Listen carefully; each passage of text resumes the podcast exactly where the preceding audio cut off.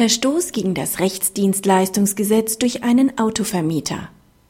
Macht ein Mietwagenunternehmer eine ihm erfüllungshalber abgetretene Erstattungsforderung in eigenem Namen geltend, so verstößt er gegen das Rechtsdienstleistungsgesetz. Die Klägerin betreibt ein Mietwagenunternehmen. Sie klagt fällige Mietwagenkosten aus abgetretenem Recht gegen den Haftpflichtversicherer des Schädigers ein. Die Abtretung der Schadensersatzansprüche des Kunden des Mietwagenunternehmens erfolgte erfüllungshalber. Die Haftpflichtversicherung weigerte sich, die Mietwagenkosten vollständig zu übernehmen. Das Amtsgericht hat die Klage abgewiesen. Es sieht die Abtretung der Schadensersatzansprüche wegen Verstoßes gegen 2 Absatz 1 und Absatz 3 und Absatz 5 RDG nach 134 BGB als nichtig an. Das Amtsgericht geht davon aus, dass das Mietwagenunternehmen nicht in einer eigenen, sondern konkreten fremden Angelegenheit im Sinne des Paragraphen 2 Absatz 1 RDG tätig geworden ist. Dies erfolgte, bevor der Kunde selbst auf Zahlung in Anspruch genommen wurde.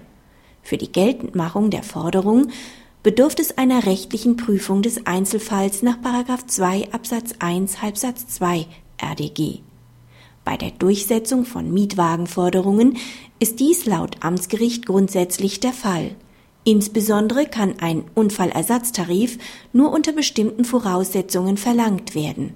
In diesem Zusammenhang verweist das Amtsgericht auch darauf, dass der BGH allein seit dem Jahr 2005 circa 30 höchstrichterliche Entscheidungen zur Erstattungsfähigkeit von Mietwagenkosten getroffen hat.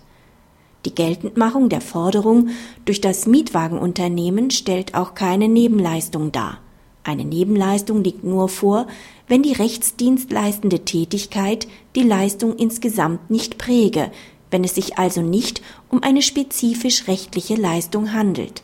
Die qualifizierte Geltendmachung des vorliegenden Schadensersatzanspruchs kann jedoch nur von einem Rechtskundigen erwartet werden. Praxishinweis. Es kommt immer wieder vor, dass Mietwagenunternehmen, Werkstätten oder Sachverständige ihre eigenen Forderungen gegenüber der Haftpflichtversicherung geltend machen. Soweit sie sich hierbei auf eine Sicherungsabtretung der Ansprüche des Geschädigten berufen, ist dies grundsätzlich auch ohne Verstoß gegen das Rechtsdienstleistungsgesetz möglich. Voraussetzung hierfür ist jedoch immer, dass der Geschädigte zuvor vergeblich in Anspruch genommen wurde.